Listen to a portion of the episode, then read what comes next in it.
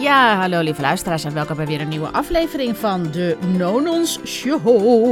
Hoe gaat het met je? En wat leuk dat je weer luistert. Vandaag ga ik het hebben over hoe communiceer ik mijn boodschap vanuit mijn hart. Nou, dat is eigenlijk mijn. dat is mijn wens voor iedereen, voor elke ondernemer. Ehm, om echt je boodschap uit te kunnen spreken vanuit je hart. Maar dat is niet zo makkelijk. Ehm, ik weet daar zelf alles van. En in deze aflevering ga ik met jullie delen wat ik zelf heb gedaan om dat meer te doen. Uh, ik wil niet zeggen dat ik altijd 100% namelijk vanuit mijn hart spreek. Ik ben me wel bewust wanneer ik dat niet doe. En um, als het echt heel belangrijk is, dan zorg ik ervoor dat ik dat uiteindelijk wel ga doen. Ofwel meteen, ofwel neem ik daar wat tijd voor. Want dat is ook waar deze aflevering over gaat. Het gaat er niet over dat je altijd en overal jouw boodschap vanuit je hart moet delen. Nou, wat is er voor nodig?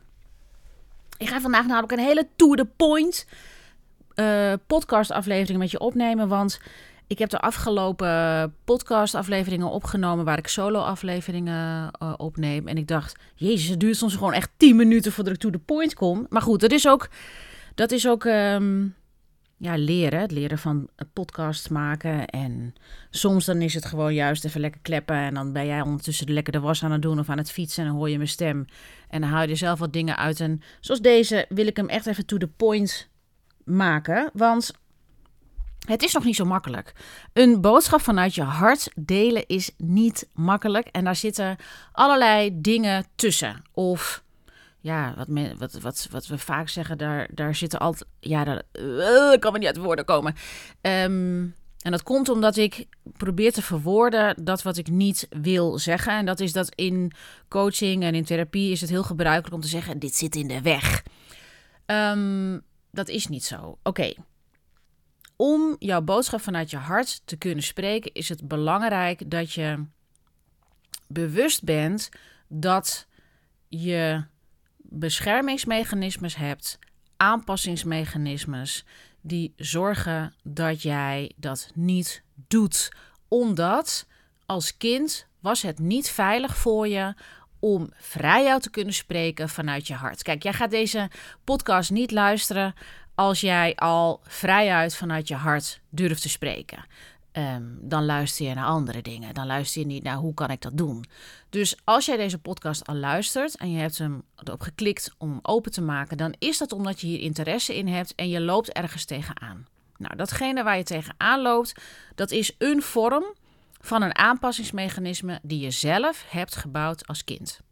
En dat is een onbewust proces geweest. En een van die aanpassingsmechanismes. Kijk, in de, in de praktijk, ik probeer het natuurlijk een beetje praktisch te maken en, en overzichtelijk. Uh, het is namelijk niet zo dat. Oké, laat ik eerst eventjes zeggen wat ik wil zeggen, want anders dan zit ik in mijn hoofd. Um, er zijn vier soorten aanpassingsgedragingen die wij hebben ontwikkeld als mens in onze kindtijd om ons veilig te houden. Um, dat noemen wij beschermingsmechanismes, aanpassingsmechanismes, um, zodat we liefde, erkenning en veiligheid ervaren als kind. Dat is vechten, vluchten, bevriezen. En daarvan hebben we een variatie, dat is pleasen. Op het moment dat een kind zich niet veilig voelt, uh, en dit is in de eerste zeven levensjaren van ons leven, en dat gebeurt heel vaak, hè, dat is al een kind voelt zich al niet veilig als het bijvoorbeeld heel hard huilt. En papa of mama of de verzorger, die komt niet. Die komt jou niet troosten. Dat moet je zelf doen. Dus je moet zelf leren reguleren om van paniek, verdriet, teleurstelling, whatever, om daar zelf naartoe te gaan. Als jij dat niet hebt ontvangen, en dat gebeurt heel vaak, want onze ouders zijn ook maar gewoon mensen. En die hebben het ook druk met hun werk en met hun leven. En hebben waarschijnlijk ook niet geleerd om dat op een gezonde manier te reguleren. Dus hebben ook weer allerlei aanpassingsmechanismes. Misschien zeggen ze zelf, nou hou eens op met huilen, het is wel klaar met je. Um, weet je, be a man of doe niet, stel je niet aan. Dat is uh, een manier om, ja, eigenlijk niet je zenuwstelsel te reguleren. Maar het is een manier om um, wat veel ouders doen en... Um, ik vind het ook helemaal niet zo heel verkeerd, hè, dat je dus harder wordt. Want het leven is niet één grote kussen. Um, dus ja, het is, het is niet uh, dat iedereen jou welkom heet met hoe je wie je werkelijk bent. Dat is gewoon niet hoe de wereld draait. Dus het is helemaal niet verkeerd om dan uh, tegen uh, dat een ouder dan zegt: Nou, weet je, ik wil dat je harder wordt. En stop met huilen. droog je tranen. Kom op, even door. Dat is namelijk een, een, een manier Um, ik heb namelijk helemaal niet zo'n mening over dat je al die dingen uh, niet moet doen. Daar zit ook kwaliteit in. Hè? Als je iets minder kwetsbaar bent en je kan gewoon zelf zeggen: Oké, ik droog mijn tranen en klaar is Kees. Ik ga door. Uh, dat geeft ook een bepaalde veerkracht. Alleen, en ik zeg alleen, um, hè, wat ik zelf heb gemerkt. Ik ben bijvoorbeeld zo opgevoed. Ik ben opgevoed met. Ik ben opgevoed door een Spaanse moeder, Nederlandse vader. Nederlandse vader kwam uit een boerengezin. Hard werken altijd. En er was geen tijd en aandacht voor emoties en gevoelens. Je moest gewoon lekker hard werken op die boerderij en niet zo ingewikkeld lopen doen. Dus de gevoeligheid of emoties en gevoelens, ja, die waren niet echt aan de orde. En bij mijn moeder trouwens ook. Die kwam uit. Ehm, een gezin met vier kinderen, met een best autoritaire vader. Alle twee de ouders die werkten. Dus mijn moeder moest ook heel veel dingen alleen doen.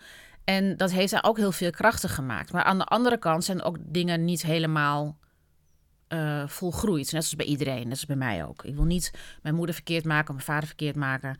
Hè, dit is menselijk. Waar we het over hebben nu is gewoon echt heel menselijk gedrag. En niet iedereen kiest ervoor om hiermee om te gaan. En dat is ook, ook helemaal prima. Dat wil ik vooropstellen. Maar oké, we gaan even terug naar als ik wil spreken, als jij wil spreken vanuit je hart. Wat kom je dan tegen? Dan kom je dus bepaalde aanpassingsmechanismes tegen van je kindertijd die je gaan voorkomen dat jij onveilig wordt. En de manieren daarvan zijn vechten, vluchten, bevriezen, slash pleasen. Um, sommige mensen die zeggen dat bevriezen en pleasen hetzelfde is. Um, daar zit een nuance in, maar goed, daar ga ik allemaal niet zo op in. Dat is meer voor de experts en de therapeuten die daar een, een um, die kunnen daar dan een discussie over voeren. Wat jij gewoon wil weten is, wat kom ik eigenlijk tegen en hoezo, zodat je dat kan begrijpen. Tenminste, dat is mijn boodschap.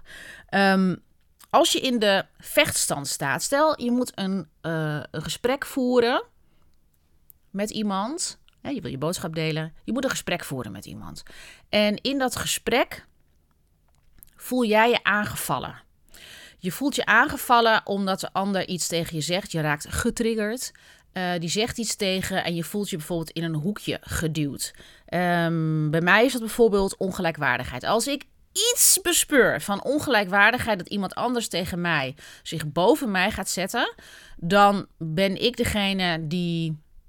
Um, nou, eigenlijk op dit moment ga ik daar wat van zeggen als ik niet in een volwassen positie zit, dan ga ik daar wat van zeggen. En dan wil ik eigenlijk het meteen tegen die ander zeggen hoe verkeerd die ander is. Nou, dat is, ik op, dit moment, op dat moment voel ik mij niet veilig. Ik voel me namelijk niet gezien, ik voel me niet gehoord. Um, um, ik vind het heel akelig. Ik voel me overgeleverd als iemand, uh, als ik iemand anders als dominant beschouw. Want het is nogmaals mijn ervaring. Hè. Die ander die doet dat niet. Het is mijn ervaring dat die ander zich dominant of boven mij opstelt. Dan kom ik als het ware weer in die kindpositie. Dan lijkt het net, ik voel dan, ah, dan zit ik weer in de klas en dan zegt de juf of de meester, die zet zich weer boven mij. En dan voel ik mij heel klein worden, uh, hulpeloos. En waar ik dan eigenlijk op ageer, is niet zozeer op dat dominante gedrag, maar op dat gevoel wat ik krijg van hulpeloosheid. En dan zit er in mij een ander deel die zegt: Ja, maar dat gaan we niet voelen. Gadverdamme, daar gaan we niet naartoe. Ik ben geen hulpeloos uh, typeje. Dus dan ga ik vechten. Dus ik ga niet tegen mezelf. Ik ga dan, als het ware, ga ik tegen mezelf zeggen: Maar daar gaan we niet naartoe. Want ik kan niet omgaan met hulpeloosheid en machteloosheid. Dat vind ik echt een heel naar gevoel. Hè, als kind vond ik dat een heel naar gevoel. Dus dat is dan dat, gebeurt allemaal in dat gesprek. Hè? Dat gaat heel snel. Um, en dan ga ik tegen die ander zeggen. Stel dat ik, want eigenlijk doe ik dat niet. Ik zou het liefste willen tegen die ander. Wat ben jij dan voor een hork? Weet je wel? En wie, ben je, wie denk jij wel niet dat je bent? Dat jij je boven mij uh, zet. Dus dan ga ik in een vechtstand. Ik ga de ander aanvallen. Ik word hard. Mijn hart sluit zich af. Dus ik ben helemaal niet aan het spreken vanuit mijn hart. Dus dit is een van de voorbeelden die kunnen gebeuren. Een ander voorbeeld is. Je hebt een gesprek met iemand eh, en die beschouw je als. Nou, laten we zeggen dat je dezelfde allergie hebt. Maar er zijn altijd andere allergieën of andere triggers die ervoor zorgen dat jij bijvoorbeeld in de vluchtstand gaat. Hè. Is ook een manier. Een vluchtstand is, je gaat het gesprek vermijden. Je gaat helemaal niet zeggen wat je dwars is. Stel je voor, je hebt bijvoorbeeld een coach. Dat zie ik heel vaak in de coachindustrie. Dat uh, heb ik zelf ook gehad. Maar ook, ik, hoor het ook om me heen. Dat uh, je, je, je zit in een, een coachprogramma en het gaat niet helemaal zoals dat jij vindt dat het gaat, moet gaan. Allereerst hebben jullie helemaal niet, misschien helemaal niet besproken wat nou specifiek de verwachtingen zijn. Dus je gaat er vol in en je vertrouwt de coach dat hij jou gaat leiden om dat succes te halen en resultaat te halen wat jij wil. Maar ja, dat resultaat dat blijft uit of die verwachtingen die worden niet voldaan. En je durft maar niet te zeggen dat je ontevreden bent of dat je andere verwachtingen had. En dat jij graag wil weten wat voor plan de, de coach heeft voor je. Nou, vaak gaat het niet op die manier. Vaak is het, ja, maar de coach die heeft de schuld dat ik nu geen resultaten haal, want...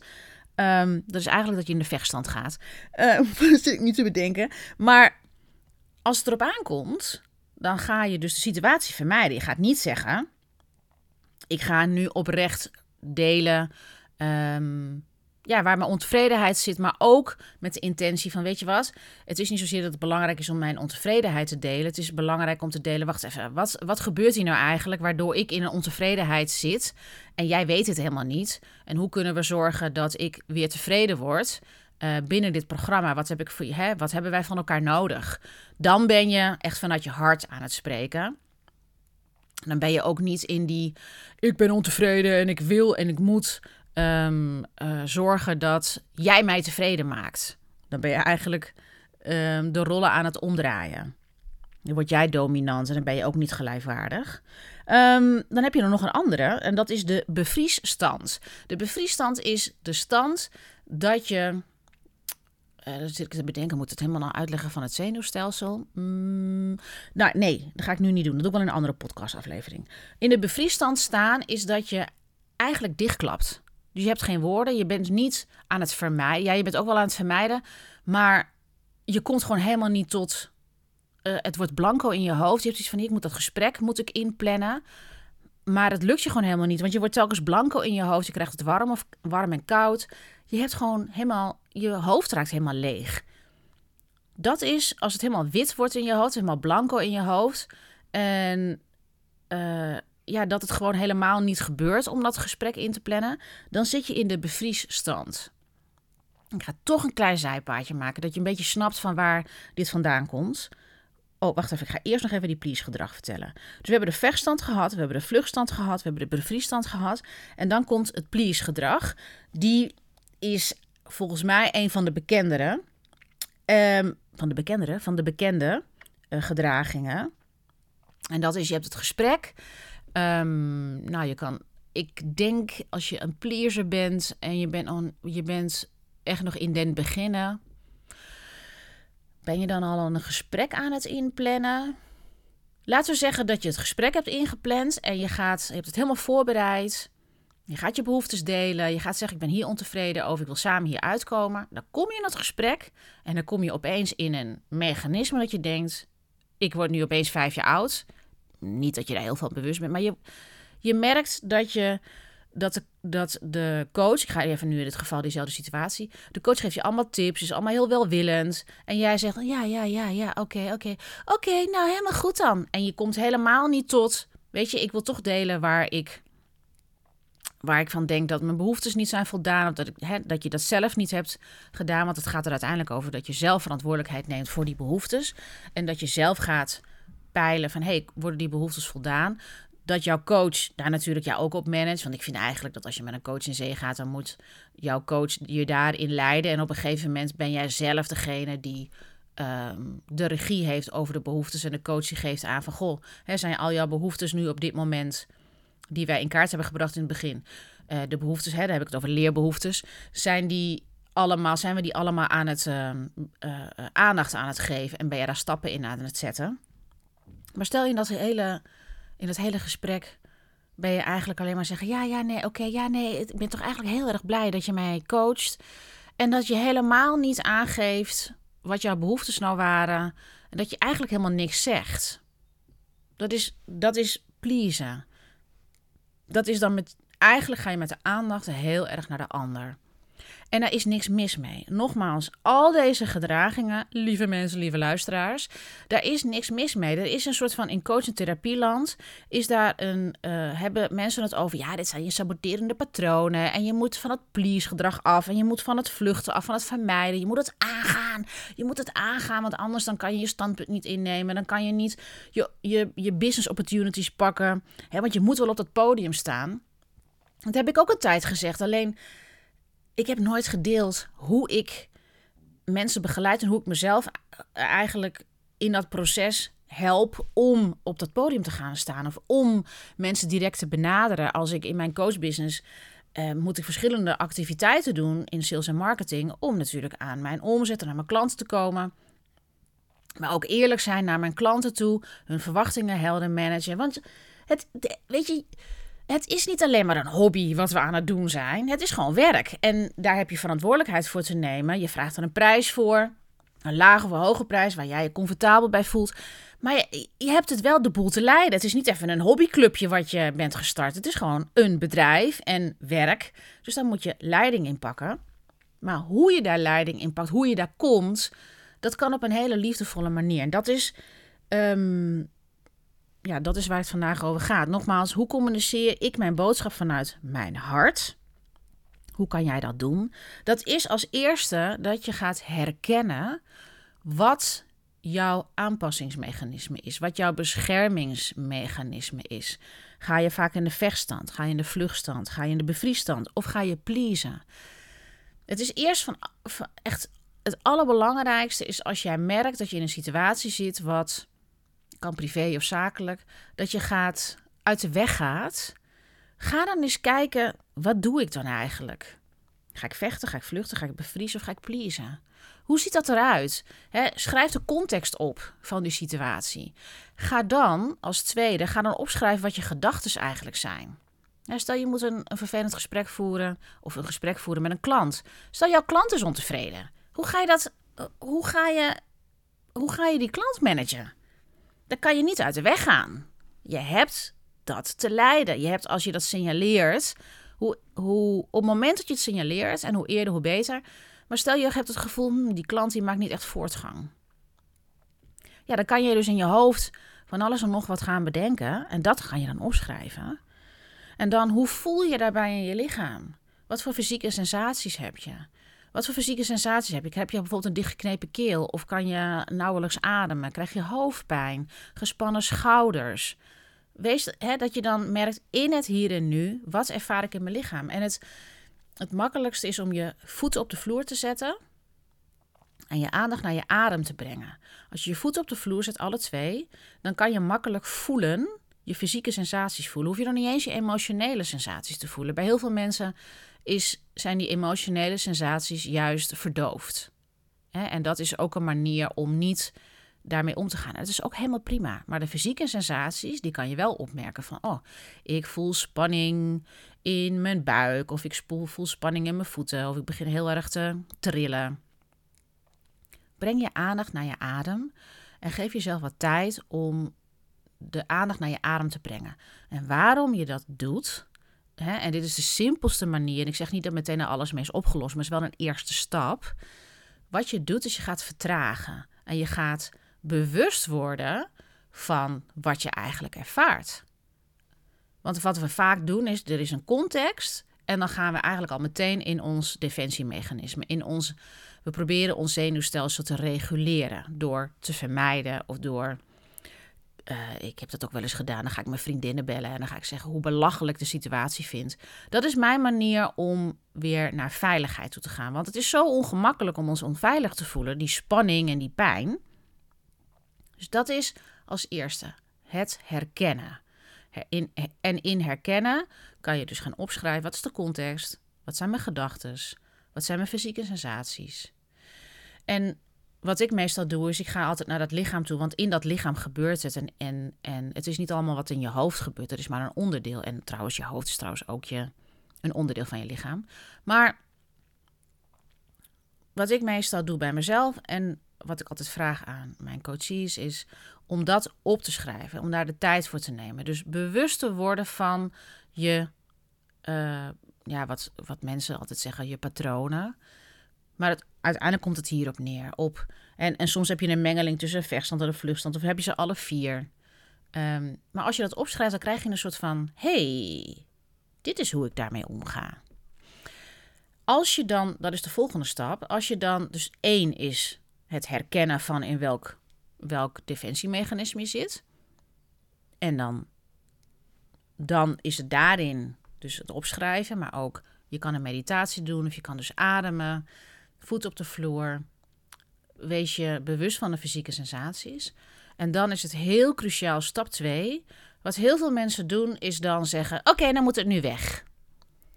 Terwijl wat ik je aanraad, en wat heel bevrijdend kan zijn om te zeggen: Het mag er helemaal zijn. Het is helemaal oké dat ik me zo voel. Het is helemaal oké. Het is als het ware, zeg je tegen jezelf, als een vader of een moeder, dan zeg je tegen jezelf: Het is helemaal oké dat je je zo voelt. Het is toch spannend?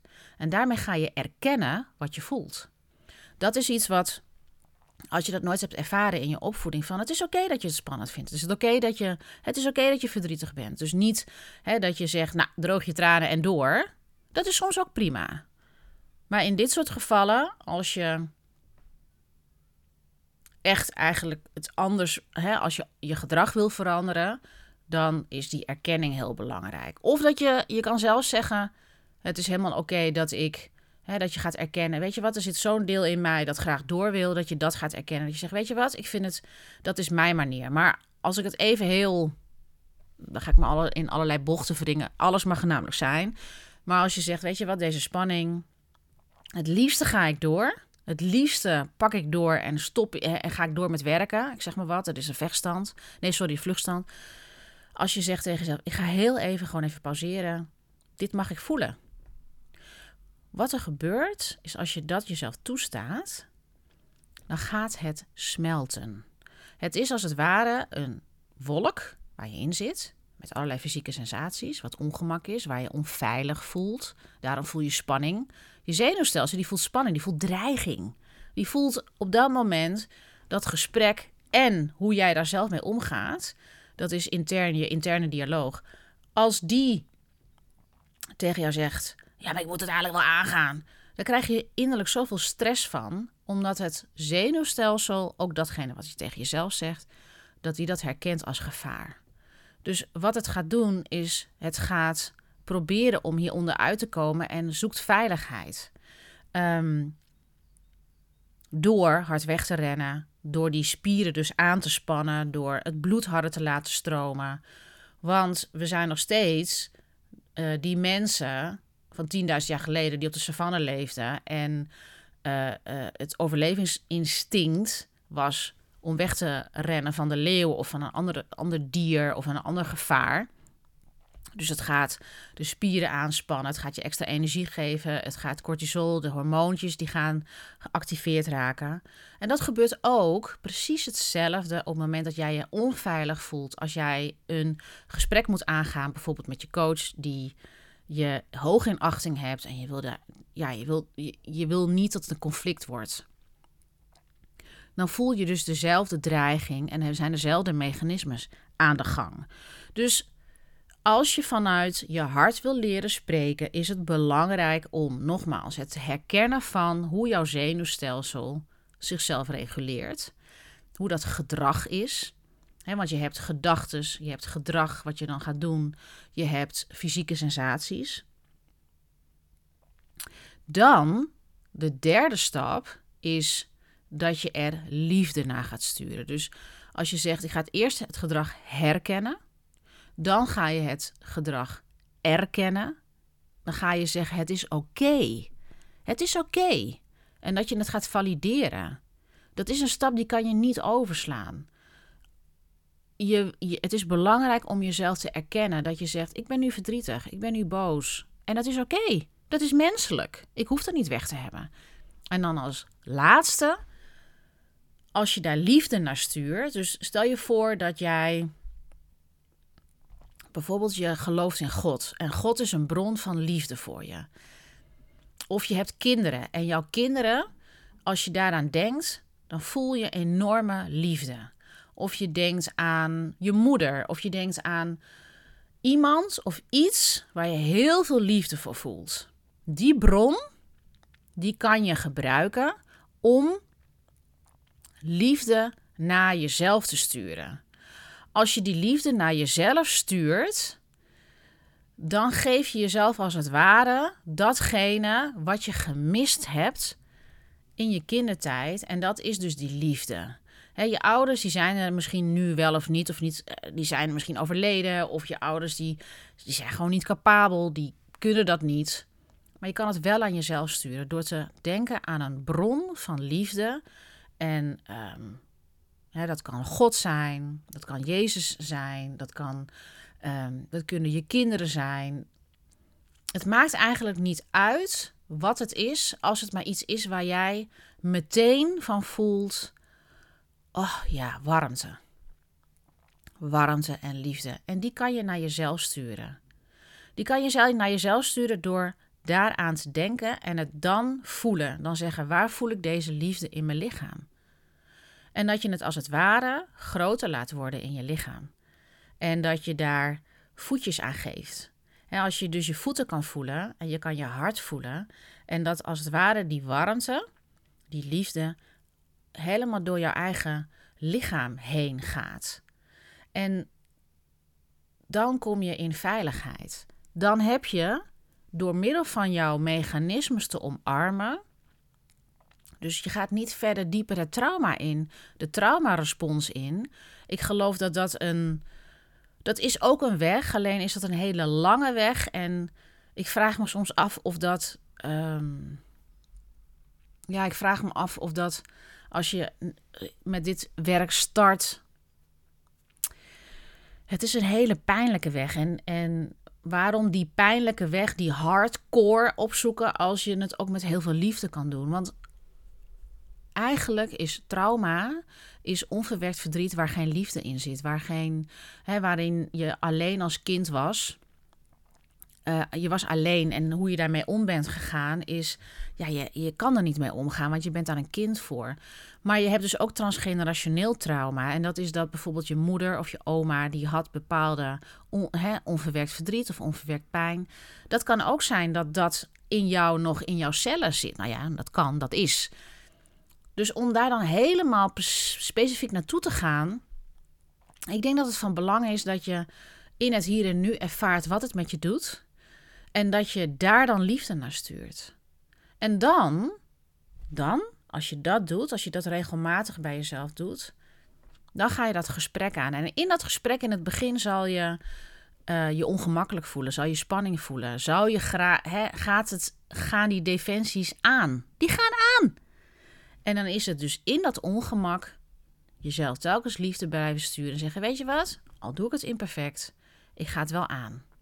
En met die compassie oefenen om telkens je boodschap te leren uiten vanuit je hart. Dat kan je doen op je social media.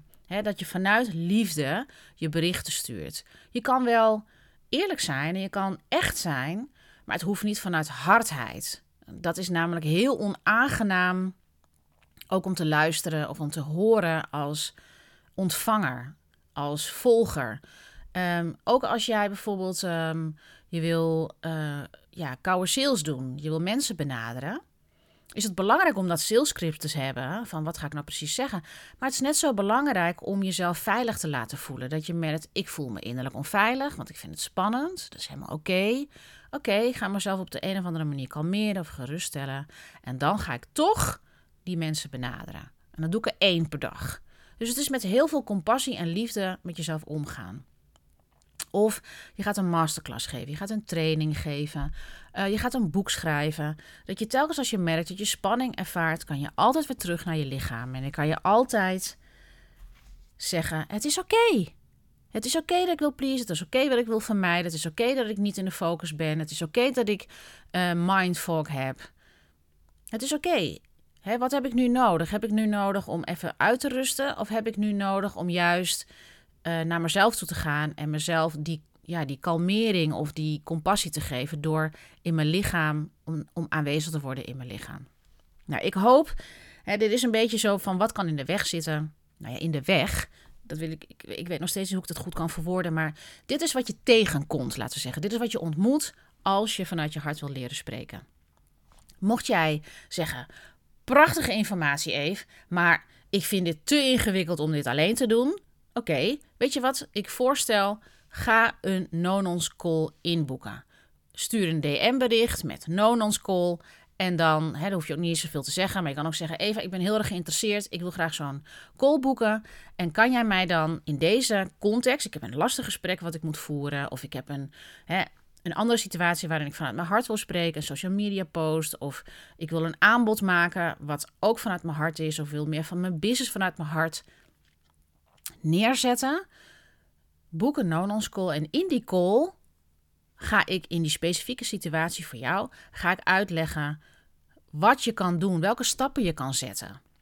En dan kan je vanuit die stappen, dan ga ik je een beetje laten ervaren wat het is als je het doet vanuit dat lichaam. Als je dus vanuit ademen en gronden, als je dat doet en dat je specifiek weet wat je kan doen, zodat je na die call eigenlijk het meteen praktisch kan uitvoeren, dan hoef je niet hele ingewikkelde toeren te maken. Het kan ook zijn dat dit stappenplan wat ik je geef, dat je zegt: Oké, nou hartstikke top, ik kan hiermee aan de slag, ga dat zelf doen. Of je zegt: Ja, weet je, geef me begeleiding daarin, want dat kan ik niet zelf.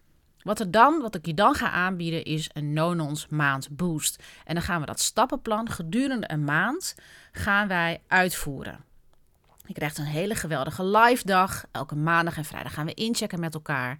Je gaat intenties leren zetten. Je gaat focus brengen op datgene wat je wil leren. Je krijgt een follow-up sessie. Ehm, je krijgt allerlei. Je, krijgt je mag me onbeperkt mag je eh, DM support. Nee, sorry, DM support niet. WhatsApp support zodat je echt een aantal wezenlijke stappen zet, zodat je daarna autonoom aan de slag kan. Als je dan merkt, ja, maar daar kan ik nog steeds niet autonoom aan de slag, dan hebben we een gesprek om te kijken wat is, hè, wat is er voor jou nodig. En dan maak ik een maat, op maat gemaakt plan. Dat zijn een beetje de stappen. Dus je kan een call bij me inboeken om samen te werken. Is dat onvoldoende? Dan gaan we een maandboost doen. Is dat onvoldoende? Dan gaan we daarna verder met een op maat gemaakt plan. Dus je hoeft dit hele traject hoef je niet alleen te doen. Dat mag, want je bent wijs en oud genoeg om dat te kunnen. Maar als je deze tools wil leren en zelf hè, en dan wil integreren, zodat jij een fundament, een stevig fundament hebt in je business. En dat je niet snel uit het veld geslagen bent, of dat je niet dingen heel erg lang gaat uitstellen. Of bijvoorbeeld hè, dat je geen knopen leert door het hakken, omdat je toch in die hoe moet dat zeggen, in die bevriesmodus gaat zitten. Dat je denkt, oh shit, ik moet het doen, maar het lukt me niet, want... Nou, dat zijn dus die defensiemechanismes. Je voelt je gewoon eigenlijk onveilig. Hoe je van innerlijke onveiligheid naar innerlijke veiligheid kan navigeren, zodat jij de autonome zelf bent in jouw business, daar kan ik je bij helpen. En dat wil ik ook heel graag, want ik wil heel graag meer business owners zien die vanuit een fundament hun business neerzetten en niet vanuit een struggle en een overleving. Dat heb ik zelf gehad en het is e-, echt, ik kan iedereen afraden om dat te doen. Er geen zak aan. Dus stuur me een DM of een e-mail, een DM op Instagram of een e-mail op contact@evavisseplaza.com. En dan help ik je graag verder. Dus dat en als ik je niet spreek, dan wil ik je heel erg hartelijk danken voor het luisteren naar deze aflevering. Oké, doei doei!